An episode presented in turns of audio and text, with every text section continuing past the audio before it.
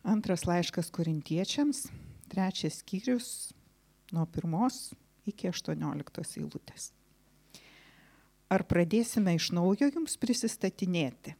Gal mums reikia, kaip, kaip kuriems, palydimųjų laiškų jums ir iš jūsų? Jūs esate mūsų laiškas įrašytas mūsų širdise, visų žmonių suprantamas ir skaitomas. Jūs pasirodote esą Kristaus laiškas, mūsų tarnavimu parašytas ne rašalu, bet gyvojo Dievo dvasia. Ne, akmens plokštėse, bet gyvų širdžių plokštėse. Tokį pasitikėjimą Dievu mes turime per Kristų. Ne todėl, kad būtume patys tinkami ką nors sumanyti tartum iš savęs, bet mūsų tinkamumas iš Dievo, kuris padarė mus tinkamus būti naujosios sandoros tarnais. Ne raidės, bet dvasios, nes raidė žudo, o dvasia teikia gyvybę. Jeigu mirties tarnavimas išraižytas raidėmis akmenyse buvo toks šlovingas, kad Izraelio vaikai negalėjo pažvelgti mozį į veidą dėl jo veido šlovės, kuri buvo praeinanti, tai kiek šlovingesnis bus dvasios tarnavimas. Jeigu pasmerkimo tarnavimas šlovingas, tai daug daugiau šlovingesnis teisumo tarnavimas. Tai, kas buvo šlovinga, visai nešlovinga, lyginant su visa pranokstančia šlove. Jeigu praeinantis dalykas buvo šlovingas, tai kur kas šlovingesnis pasiliekantis. Taigi, turėdami tokią viltį, mes kalbame labai tiesiai ir drąsiai, ne kaip Mozė, kuris ant veido užsileisdavo gaubtuvą, kad Izraelio vaikai nepamatytų to, kas praeina. Bet jų protai buvo apakinti. Iki šios dienos tas pats gaubtuvas lieka nenuimtas, skaitant Senąjį testamentą, nes jis nuimamas Kristuje. Net iki šios dienos, kai skaitomas Mozė, gaubtuvas tebedengia jų širdį. Bet kai žmogus atsigrėžia į viešpatį, gaubtuvas nuimamas. Viešpats yra dvasia, o kur viešpatės dvasia, ten laisvė. Mes visi atidengtų veidų, lyg veidrodyje regėdami viešpatį šlovę, esame keičiami į tą patį atvaizdą iš šlovės į šlovę, veikiami viešpatės, kuris yra dvasia. Tai buvo Dievo žodis. Amen.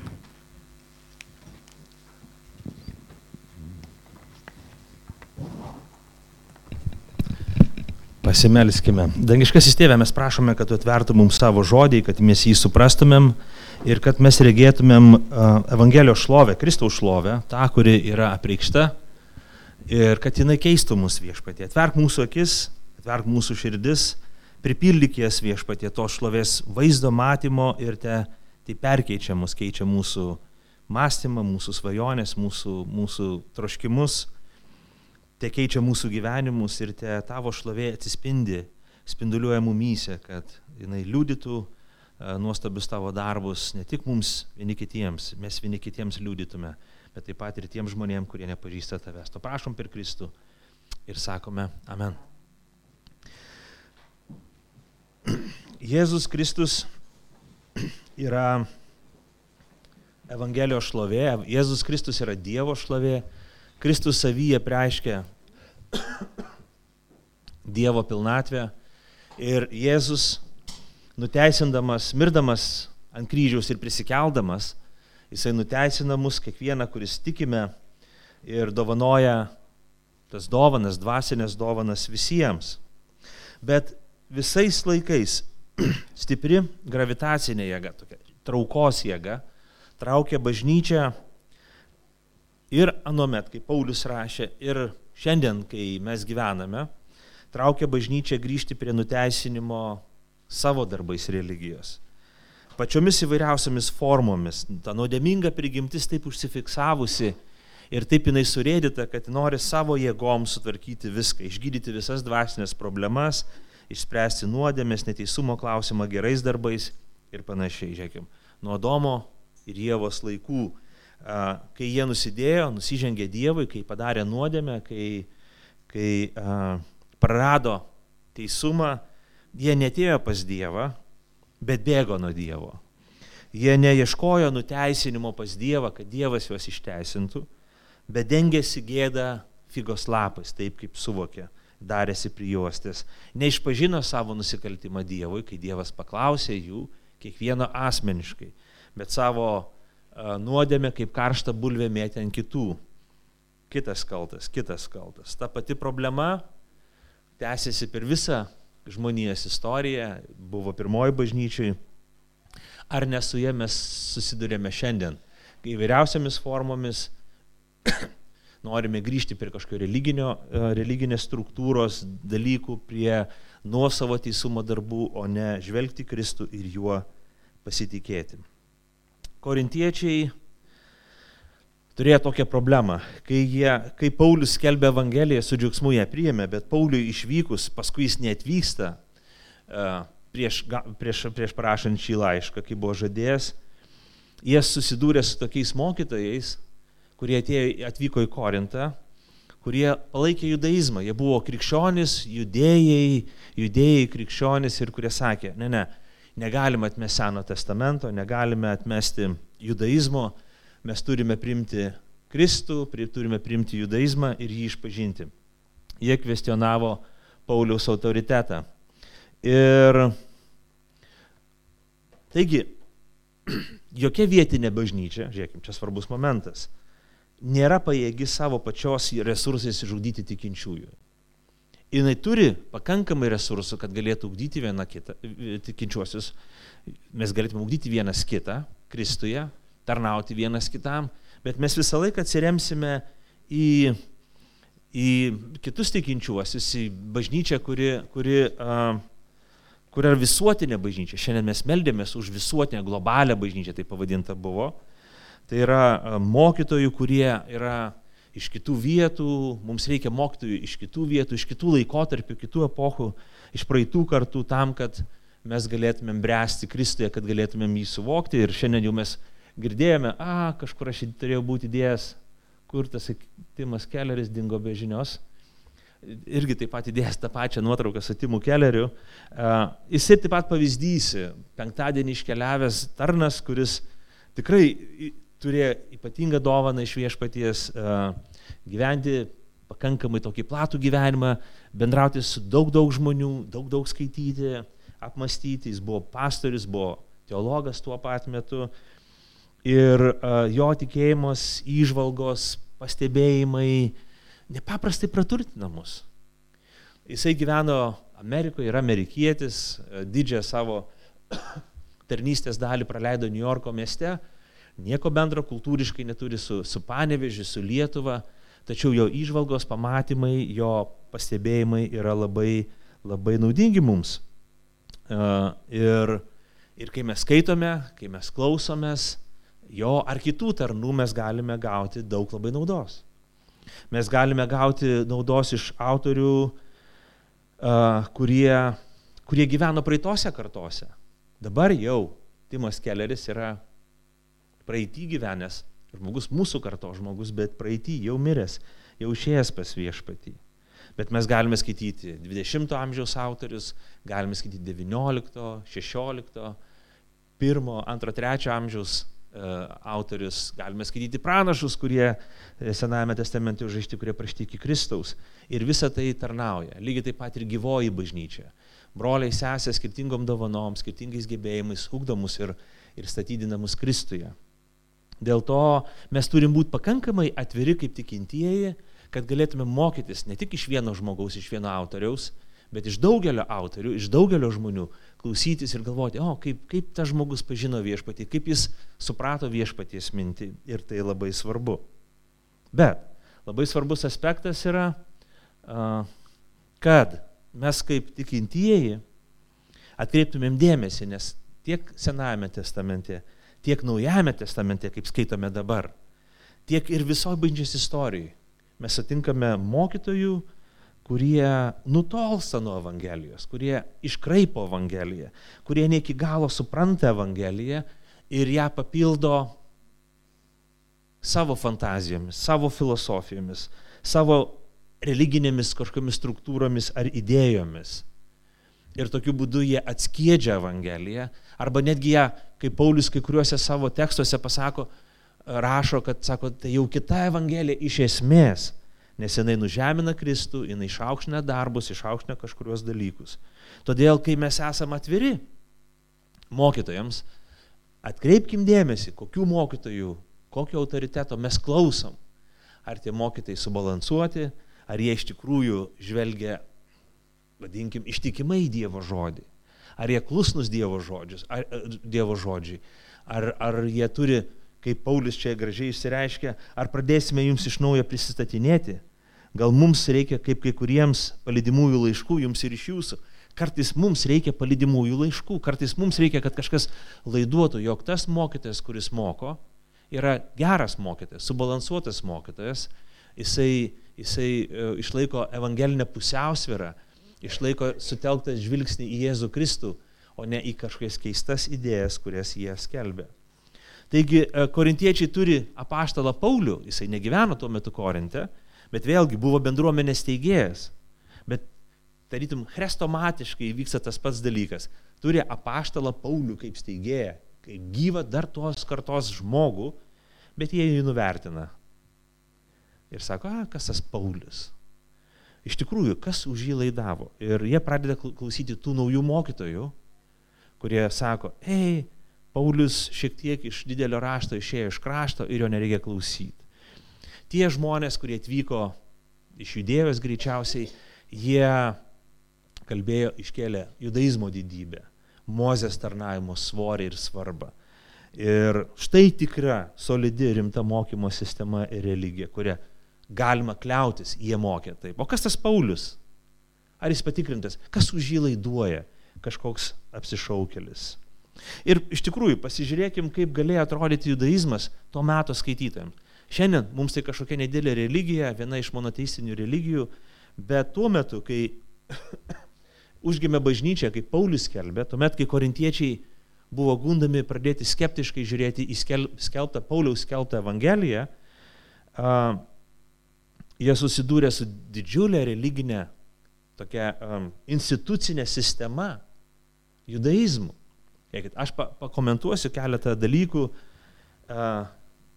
ką jie turėjo, ką Mozės pasiekėjai, ką judėjai, ką žydai tuo metu turėjo, kokius autoritetus turėjo ir kaip, kokie solidus jie atrodė iš šalies. Žiūrėkime, tuo metu, kai Paulius rašo šį laišką, tai vienas ankstyviausių, vieni ankstyviausių Nuojo testamento laiškų, 15-20 metų po Kristus nukryžiavimo, apie 50-uosius, 45-uosius, 50-uosius mūsų viešpaties metus, mūsų eros metus.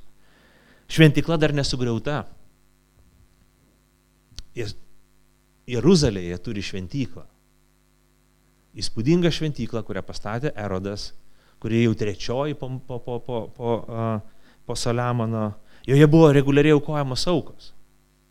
Kunigai atlikdavo aukojimus, tauta, žydų tauta, kuri buvo plačiai pasklidusi po, po visą tuometinį sakykime, pasaulį, Romos imperija ir jos pa, u, u, užkaboris, kaip Babilonas ir kitos, daugybė, daugybė žydų ten gyveno ir jie važiuodavo, reguliariai važiuodavo į Jeruzalę aukoti uh, aukas, gyvulius aukoti. Uh, švesti šventes, įvairiausios pilimgrimystės buvo privalomas įstatymė ir žydai Velykų, pirmųjų vaisių, palapinių šventes švesdavo, keliaudavo į Jeruzalę tam, kad nenatiduotų duoklę Dievui, kad jie tarnautų, parodytų, kad jie yra Dievo tautos dalis. Taigi šventikla labai rimta. Tuo tarpu krikščionys neturi jokios šventyklos. Raštai, žiūrėkim, žydai labai didžiavosi tai, kad jie turėjo raštus. Tuo metu, kai rašė Paulius, jokių kitų raštų, tik Senas testamentas ir te buvo. O Senas testamentas tai buvo žydų tautos palikimas, žydų istorija, įstatymas Mozės, įvairios istorijos, pranašai ir poezija. Tai buvo žydų tautos paveldas. Jis sako, mes turim šventyklą, mes turim raštą, mes turim įstatymą, pranašus ir poeziją. Jie turėjo sinagogas visame pasaulyje, kaip ir minėjau. Judaizmas buvo paplitęs po visą Romos imperiją, po visą.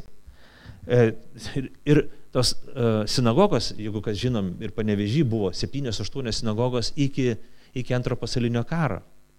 Visas pasaulis ir tuo metinis Ir paskui buvo prisėtas sinagogų, nes žydų tikėjimas buvo pakankamai išplitęs, kaip religinės, kultūrinės gyvenimo lastelės jos buvo visame pasaulyje. Žydai buvo labai aktyvūs prozelitai, tai reiškia, jie skelbė tą religinę, tautinę idėją, kad Dievas išsirenka vieną tautą ir visi žmonės, kas tik norėdavo, galėdavo atsiversti į ką?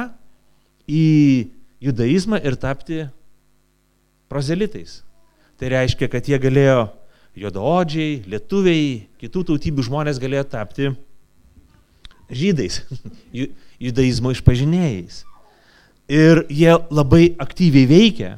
Net Jėzus kritikuoja, sako, jūs per jūras ir kalnus, jūs keliaujat per jūras, jūr, jūras mares, e, kad, kad laimėtumėt vieną sielą. Bet sako, padarot blogesnį už save.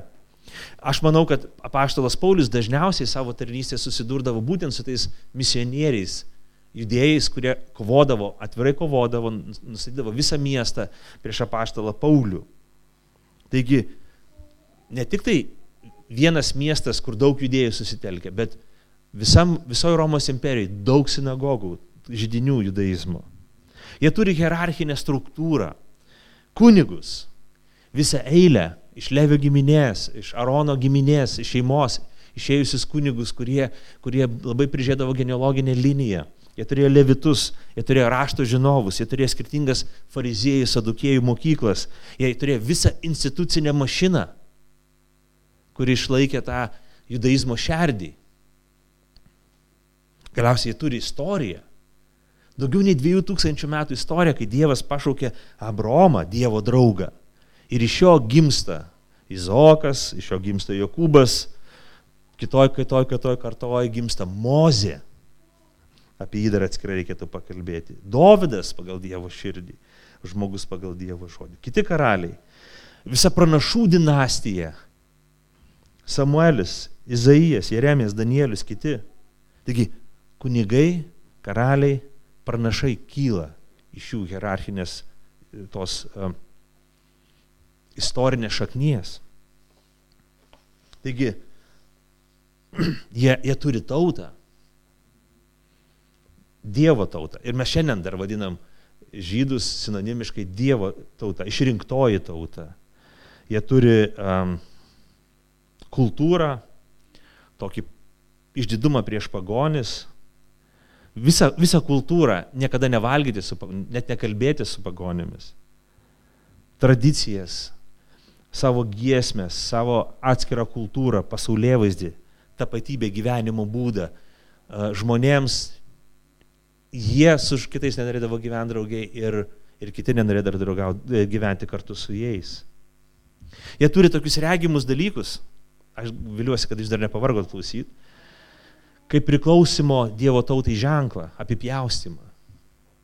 Ryškų ženklą, ko jie didžiavosi Jie turi masiškumą. Visa tauta, regimoji didybė, tokia masiškumas buvo jų pusiai. Galiausiai Mozė, kaip ir minėjau, viso judaizmo ikona, didysis pranašas, kurį, kurį Dievas pašaukė iš degančio krūmo ir pasiuntė atlikti misiją. Jis įvykdo tris tokius dalykus, galima sakyti. Išvadavimą, išveda tautą iš Egipto žemės, iš vergystės, išveda tautą, begink, beginklę tautą, vergų tautą iš didžiausios tuo metu imperijos. Išvaduoja. Jis tarpininkauja, bendrauja tarp, su Dievu ir kalba su tauta, kalba su tauta ir perdada viską Dievui. Jis bendrauja taip su Dievu, kaip niekas kitas negalėjo bendrauti su Dievu, nes Dievas Mozė pasirinko, kad jis būtų tarpininkas. Galiausiai Mozė duoda įstatymą. Dešimt Dievo įsakymų, dvi akmeninės plokštės. Vienoje surašyti įsakymai, kitoje surašyti įsakymai Dievo ranka ant akmens plokščių surašyti Dievo įsakymai. Ir taip pat duoda visą teisinį kodeksą, kaip tauta turi gyventi, kaip sugyventi tarpusavį, spręsti bylas. Nu ir kaip jums atrodo viskas? Mozė dar be abejo, mes žinom istorijas, jau šitame tekste, kurį skaitėme iš pirmo laiško korintiečiam trečios skyrius, mes žinom, kad uh, Mozė bendraudama su Dievu, jo veidas, jo veidas pradėjo švitėti. Ir tas švitėjimas būdavo toks stiprus, kad kiti žydai išsigazdavo to ir negalėjo žiūrėti Mozė į veidą. Švitėjimas pasibaigdavo, dėl to Mozė dėl kelių priežasčių tą užsidėdavo gaubtuvą ant veido. Viena vertus dėl to, kad prislopintų tą spindesį, kita vertus, kad žydai nematytų, kai ta šlovė pasitraukia ir, ir spindesys dinksta. Jie, jie matė kalną, jie girdėjo griausmus, jie matė ženklus, jie matė ugnį, jie matė debesį, jie matė stebuklus, kuriuos Dievas padarė per Mozę. Ir štai su tokia struktūra, viena iš dominuojančių Romos imperijos religinių sistemų susiduria paštalas Paulius, pirmieji krikščionis. Kokia šlovė, koks moralinis, kultūrinis gyvenimo būdo autoritetas, kaip milžinas atsistoja prieš nedidelę bažnyčią, kuri gimsta viena miestelį, kita mieste, trečia mieste ir panašiai. Kas dabar yra Paulius? Kas yra jos kelbiamas Jėzus?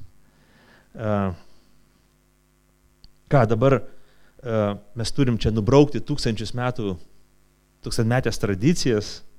Kas Paulių pasintė? Kas, kas jį laiduoja? Už jį laiduoja? kažkoks atskalūnas apaštalas Paulius. Jeigu mes jau ėjom keliu tam tikrų tūkstančius metų, Dievas įsakė apsipjausyti, daryti, veikti, aukoti, tai nejaugi dabar viskas tampa nebereikšminga, nesvarbu. Ir, ir korintiečiai pradėjo dvėjoti, galvoja, o, kokius klausimus užduoda, kaip čia dabar yra iš tikrųjų, ar Paulius gali dabar paimti taip lengva ranka nubraukti visą tai, kas buvo padaryta ir kas yra žydų kultūros paveldas. Paulius atrašo šį skyrių, kurį mes, mes perskaitėm, jis nesutrinka nei kiek.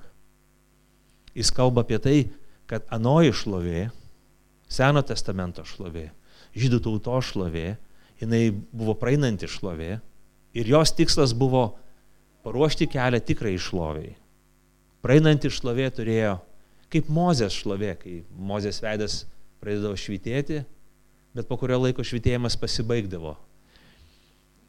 Taip toji senosios sandoros šlovė turėjo tikslą paruošti tikrai šloviai įžengti, įžengti ir ateiti į šį pasaulį. Ir čia apaštalas Paulius pasako keletą dalykų ir aš, aš, aš juos šiek tiek padėstysiu. Tai pirmas dalykas, Paulius sako, žiūrėkit, Dievas sudaro naują sandorą. Mes nenubraukiam to, kas buvo anksčiau. Mes nenubraukiam žydų paveldo. Mes nenubraukiam istorijos, mes nenubraukiam protėvių, mes nenubraukiam tų, kurie gyveno prieš mus, mes nenubraukiam Dievo išrinkimo, nenubraukiam įstatymo, bet mes tiesiog kalbam apie tai, ką, apie ką viešpats kalbėjo. Pavyzdžiui, Jeremijo 31 skyrius, 31 lūtė sako, ateina dienos, kai aš padarysiu su Izraeliu naują, Izraeliu ir Judu naują sandorą. Taigi viešpats jau žadėjo tame pačiame Senajame testamente, kad jis sudarys naują sutartį tarp Dievo ir žmonių. Senosios sandoros neužteko. Senoji sandara buvo nepakankama. Jis buvo sudaryta tarp Dievo ir žmonių, bet jis buvo nepakankama, buvo laikina. Nes jinai, nes jinai kalbėjo tik tai apie tai, kaip žmonės turi gyventi, bet neturėjo galios perkeisti žmonių gyvenimus.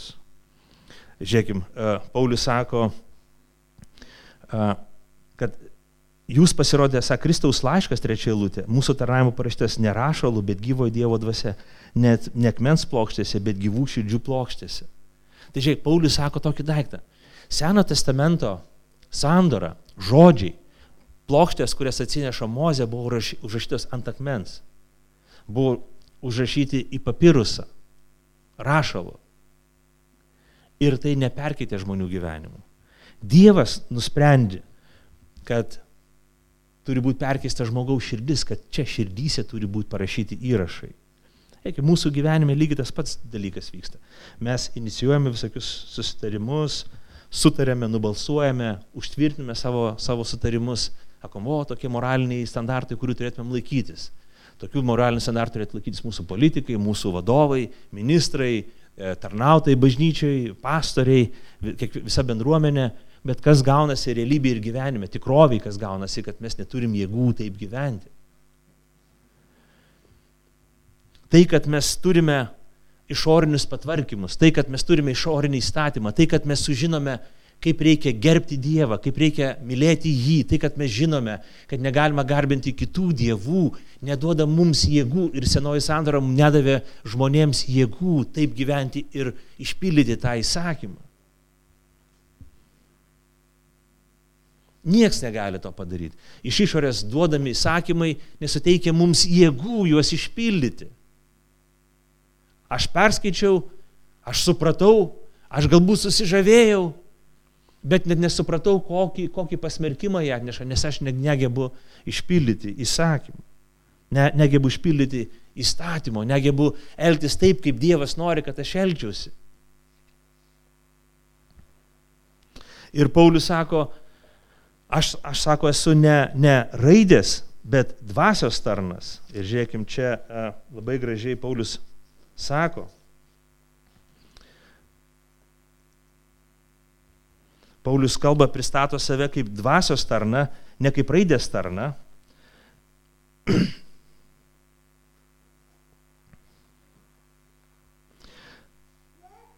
kuris mus padarė būti tinkamų šeštojo lūtė, naujosios sandoros tarnais. Ne raidės, bet dvasios, nes raidė žudo, o dvasia teikia gyvybę. Paulius visą laiką pristato save kaip dvasios tarna. Jis prieš pastato save tiems Mozės tarnams, nes jie buvo raidės tarnai, įstatymo tarnai. Anie skelbė įstatymą, potvarkius, nurodymus, tvarkas, apeigas, raidę. Žodį, kuris buvo užrašytas ant akmens, žodį, kuris buvo užrašytas rašalo ant papiruso. Bet Paulius sako, aš esu dvasios tarnas, aš skelbiu Evangeliją ir kai ją skelbiu, Dievas suteikia šventąją dvasę tiems, kurie klauso ir paklūsta Evangelijai. Ir tada įvyksta stebuklas, tada Dievas ką padaro? Perkyčia žmogaus širdį. Ir iš širdį rašo tuos įsakymus. Ne iš išorės žmogus yra keičiamas, bet iš vidaus. Jisai klauso Evangelijos, supranta Evangeliją, supranta, kad nuteisinimas suteikiamas per Kristų, kad reikalinga malonė, reikalinga atgaila, kad aš, nei, man nei, aš ne, nei, negabus, man neįmanoma išpildyti įsakymo, įstatymo, neįmanoma išpildyti Dievo potvarkių. Man reikia nau, kažkokio naujo pasikeitimo ir Dievas tai daro. Jis perkeičia mūsų širdis per atgailą, jis siunčia mums šventąją dvasę, suteikia mums amžinai gyvenimą iš to plaukia viso gyvenimo pasikeitimas, žmogus pradeda trokšti kitų dalykų. Žmogaus širdį gimsta kiti norai ir traškimai. Žmogus nebedaro kažkokio nusikaltimo ne dėl to, kad girdėjo pasakymą, matė užrašą, skaitė tekstą, negalima taip daryti, bet dėl to, kad jo širdį kyla traškimas ir noras taip nebesielgti, o elgtis kitaip. Dėl to, kad jo širdį kyla traškimas mylėti Dievą, o nebe tik mylėti vien save. Kas iš to, kad mes turim įstatymą? Kas iš to, kad mes skaitom šventą raštą? Kas iš to? Dažnai mums sako žmonės, o, aš skaičiu šventą raštą, aš turiu šventą raštą, aš susipažinęs su šventu, o, su kažkuo aš labai sutinku, aš skaičiau Nuoją testamentą, man patinka ir taip toliau. Dažnai Timas Kelleris sako, kai, kai sutinki žmonės, kurie sako, o, man labai patinka taip, kaip, kaip skelbiama, e, kas skelbiama kalno pamokslė, aš labai tai palaikau ir manau, kad tai teisinga gyvenimo filosofija. Ir Timas Kelleris atsakydavo, sako, greičiausiai toks žmogus niekada net ir neskaitė švento, švento rašto, net nesuprato, kas parašyta kalno kalno pamokslė, nes kalno pamokslė parašyta tai, kas mums neįmanoma išpildyti ir neįmanoma tuo gyventi. Nes e, standartai ir pasiekimai yra, kur, kuriais mes turime, kuriuos turime pasiekti, mums yra nepasiekiami. Ir Dievas per dvasios tarnavimą, per mūsų dvasinį atgimdymą, per, per širdies perkeitimą, per Kristaus atleidimą, jisai mums duoda ką? Duoda mums galimybę, įrašo mūsų širdis ir duoda mums galimybę šventosios dvasios pagalba įvykdyti įstatymą. Kristus už mus įvykdė įstatymą. Dabar mes mokomės, kaip kartu su juo sekdami paskui jį uh, išpildytumėm įsakymą. Paulius išsireiškė, raidė žudo. Įstatymas neturi galios, išorinis įstatymas neturi galios perkei žmogaus širdies ir gyvenimo mes neturim jėgų išpildyti Dievo įsakymą. Aš girdžiu įsakymą, aš girdžiu teisingus dalykus, bet savy neturiu jėgų, Paulius apie tai rašo laiškė romiečiams, neturiu jėgų išpildyti to, ką Dievas nori, kaip aš gyvenčiau. Bet ačiū Dievui, kad Jėzus Kristus atėjo šį pasaulį, mirė ant kryžius už mano nuodėmės ir dabar jisai atleidžia man mano negebėjimą tai padaryti ir įgalina mane, suteikdamas man šventąją dvasę, kad jinai įgalintų mane, kad jinai per mane įvykdytų įstatymą, kad aš galėčiau pradėti mylėti Dievą visą savo širdim ir mylėti artimą kaip pats save, taip kaip moko Evangelija. Gauptuvas. Labai įdomus dalykas, kad Paulius panaudojo tokį žaidimą, žodžių žaidimą. Sako, kaip Mozė turėdavo užsėti gauptuvą, tam tikras žaislas, tam tikras prislopinimas, tikrovės ir realybės, tam tikros šlovės ir jos praeinamumo, jos laikinumo šlovės prislopinimas. Sako, taip ir liko uždengtas tiems žmonėms, kurie skaitė Seną testamentą, kurie ne, nežvelgia į Kristų, kurie ne, nežiūri į Kristų. Iki šios dienos 15 eilutė sako, kai skaitomas Mozė, gauptuvas tebedengia jų širdį. Kai žmonės žiūri į šventą raštą, kai žiūri į Evangelijos žinę per nuteisinimo savo pastangomis prizmę, jie taip ir nepagauna esmės. Mes nepagauname esmės. Kai mes galvojam, o, žiūrėk, skaitau kalno pamokslą, yra palaiminimai ir žiūrėk, iš tikrųjų, aš toks liūdintis, de, de, de, depresuotas žmogelis esu ir čia aš palaimintas, va čia išpildau, tikrai, va čia kaip atitinka mano temperamentą. Kaip horoskopas kažkoks, va čia tinka, čia aš va beveik išpildau Dievo įsakymą mes nepagaunam esmės, mes nesuprantam dalykų. Gautuvas nuimamas tuomet, kai mes pradedam žvelgti į Kristų, kad mes neišpildom įstatymo. Mes negabus gyventi taip, kaip Dievas nori, kad mes gyventumėm. Ir mes turim sakyti, Dieve, neįtikėtini aukšti standartai, Dieve, iš ties tavo teisumas yra nepasiekiamas, kaip dangus man nepasiekiamas, taip, tavo teisumas man nepasiekiamas, bet ačiū Dievui už Jėzų Kristų, kuris mirė ant kryžiaus už mūsų nuodėmės. Ir kai mes atgailaujame, kai mes pradame tikėti Jėzų mūsų tarpininką, tą, kuris išpildė įstatymą, tą, kuris gyveno pagal įstatymą, mūsų gaubtuvas, nuo mūsų akių gaubtuvas nuimamas. Kai žmogus atsigrėžė į viešpatį, gaubtuvas nuimamas 16 eilutė.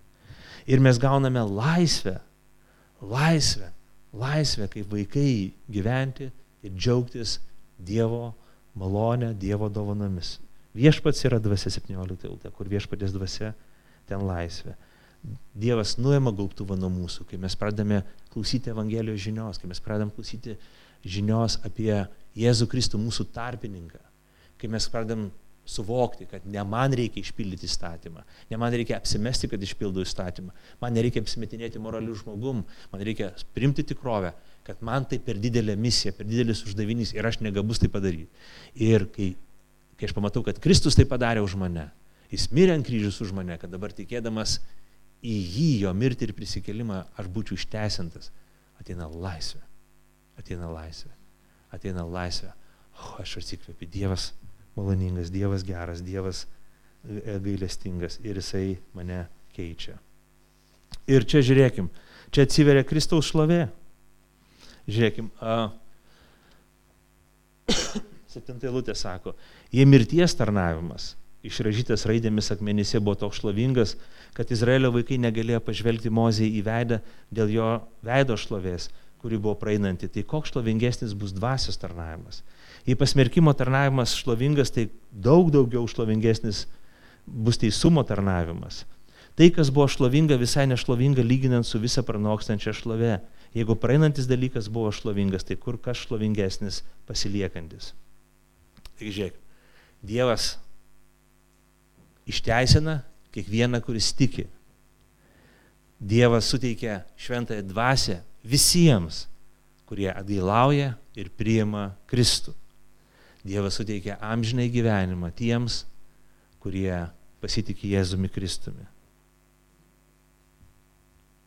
Kokia nelikstama šlovė. Paulius sako, tie didingi dalykai, kuriamės judaizmas. Į ką atsiriamė ir krikščionybė beje, bet kaip išauktų rūbų, kaip, kaip į kelrodį ženklą, kuris rodė į tikruosius dalykus. Paulius sako, jeigu mes žiūrėsime į anuos dalykus, mes matysim, kad jie visai nešlovingi, kad tas šlovingas žydų pra, žvilgsnių žiūrint tarnavimas yra mirties tarnavimas. Kad uh, šlovingas tarnavimas žydų akim žiūrint yra pasmerkimo tarnavimas. Ir jis yra praeinantis. Wow, įstatymas, wow, pašaukimas, wow, didybė. Bet iš tikrųjų visą tai neša mirtį, nes nei vienas savo jėgom negabus padaryti. Bet Kristus, Dievas tai suvokdamas, atiduoda save, kad paukodamas save dovanotų mums visus palaiminimus.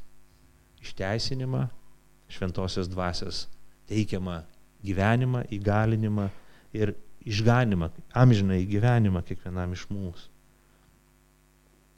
Taigi visi tie senosio, Seno testamento, senosios sandoros šlovingi dalykai buvo kaip kelrodžiai ženklai.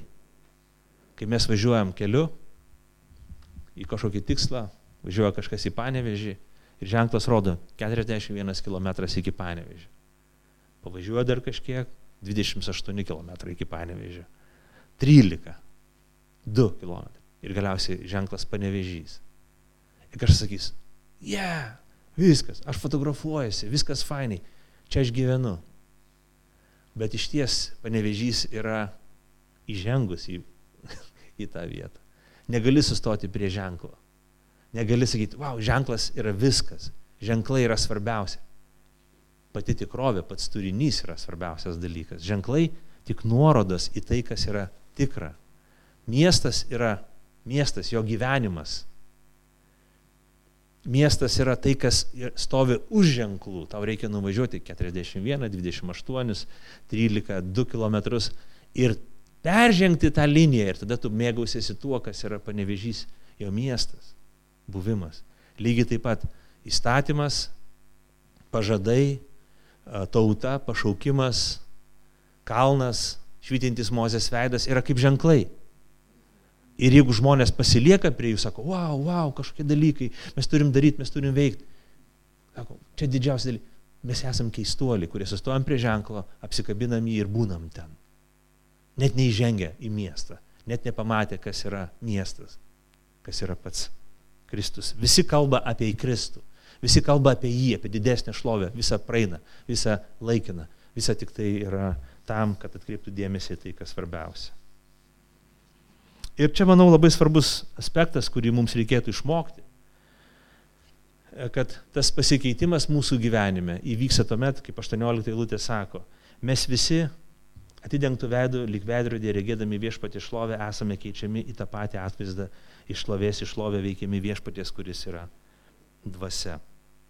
Ne darbai, ne veiksmai, ne, ne pastangos save suimti nagą, padaryti save geresniu, ne kažkokie ritualai, bet viešpaties šlovės regėjimas keičia mus, išgano mus, perkeičia. Kaip tai vyksta? Nes kartais mes turim religinius žargonus, kurių taip ir nesuprantam, kaip ten reikia daryti, kaip reikia regėti viešpaties šlovę. Užsakyti paveikslą, kažkokį tai su nukryžiuotu Kristumi, ar prisikėlusi Kristumi, ar pamokslaujančiu. Tai gal aš nusipirksiu tris, pamok, tris paveikslus Tai pasakysiu paprastai iš trijų dalykų. Pirmas dalykas, kaip mes regime viešpatį šlovę, tai klausyti Evangelijos ir ją suprasti. Klausyti tai reiškia skaityti ją. Evangeliją aš kalbu ir Seną testamentą naujai. Taip, jeigu mes pradam nuo Seno, mums gali būti problemų, kad suprastumėm naują. Tai skaityti. Arba klausyti, kai skaitoma. Tikėjimas iš klausimo, klausimas iš Dievo žodžio. Klausyti pamokslų, klausyti aiškinimo Evangelijos. Ir bandyti suprasti, kas tai yra. Prašyti, kad Dievas atvertų, duotų suprasti ir suvokti esmę. Mes žinome, kad Jėzaus laikais, kai Jėzus pamokslaudavo, daug žmonių klausydavo, bet nesuprasdavo. Klauso, fainai, ploja ir nesupranta, kokioje vietoje reikia ploti. Tai panašiai kaip panevežį, kai nueini į teatrą, po kiekvieno spektaklio, bet po kiekvieno pasirodymo visi atsistoja ir ploja. Ir net nežinai, ar čia geras buvo spektaklis ar blogas, bet tiesiog visi atsistoja ir ploja. Ir kaip dabar įvertinti, ar gerai čia svaidina ar negerai, nes visą ką ploja. Dėl to mums reikia prašyti viešpatė Dievę atverk man ausis.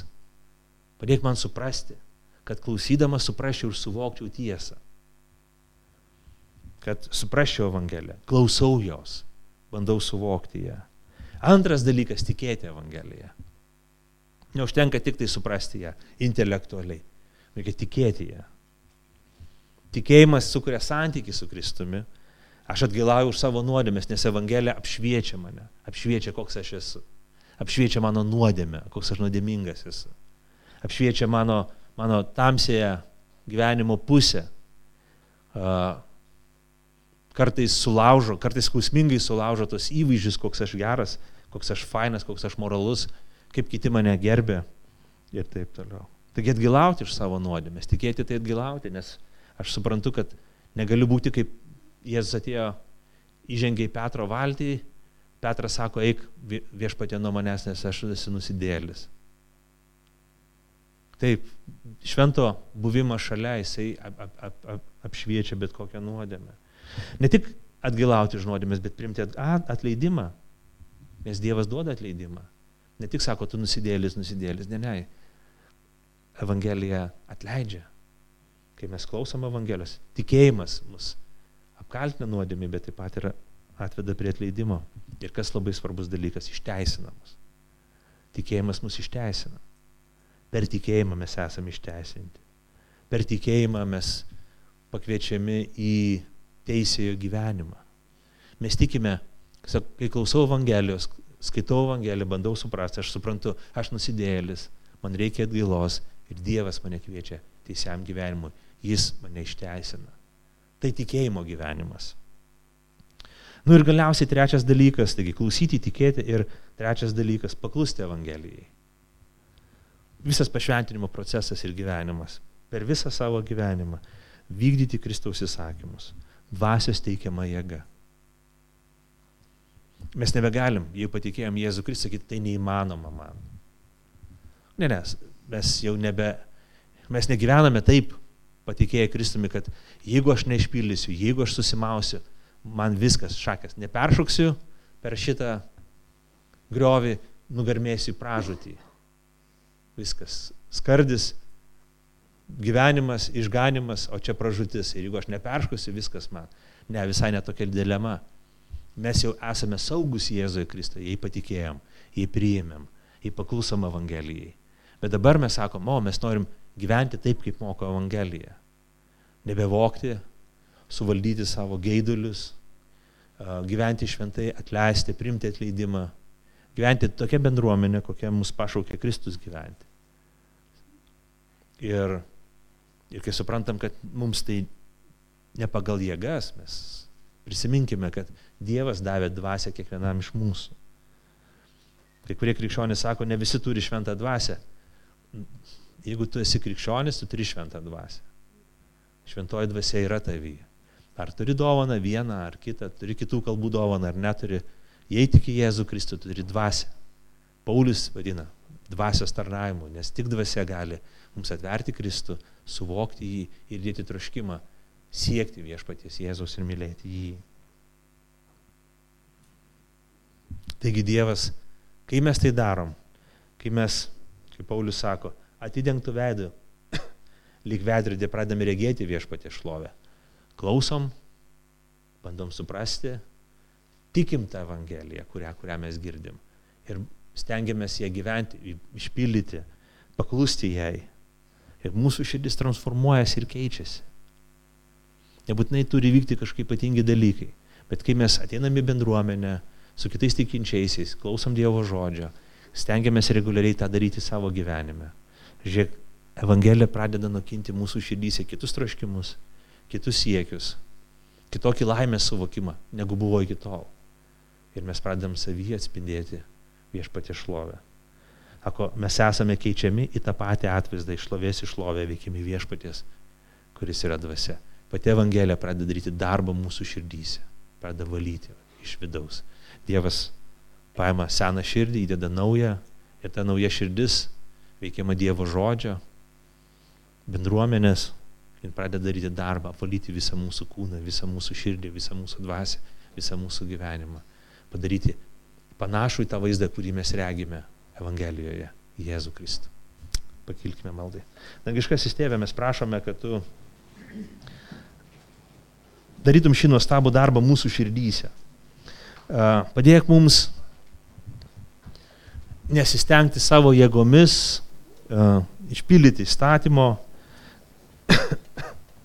būti gerais, nes kai mes tai darome Dieve, mes tampame blogesni negu buvome, mes tampame piktesni, mes tampame religiniais veikėjais, prarandame džiaugsmą ir pametam malonę. Tad padėk mums įsikipti tavo malonę, regėti tai, ką, tai, ką viešpats padarė ant kryžiaus dėl mūsų, klausyti Evangelijos, skaityti Evangeliją. Atverk mums akis ir mintis, kad mes suprastumėm tai, ką skaitome. Tai mūsų širdis atsilieps tikėjimu, apsisprendimu tikėti, atgailauti, priimti atleidimą, priimti teisumą, kurį mums suteikia Kristaus atleidimas. Ir kasdieniam gyvenime te būsime mes klusnus, klusnus Evangelijos žodžiui. Kai mes suprantam ir suvokiam šiandien, čia ir dabar suvokiam ir suprantam, kad nebegalim vokti, gyventi gaidulingai, te tavo šventoji dvasia duos mums jėgų priimti sprendimus ir gyventi naujai, gyventi pagal tą pašaukimą, kurį mes turime Jėzuje Kristuje. Prašome per Kristų mūsų viešpatį ir sakome Amen.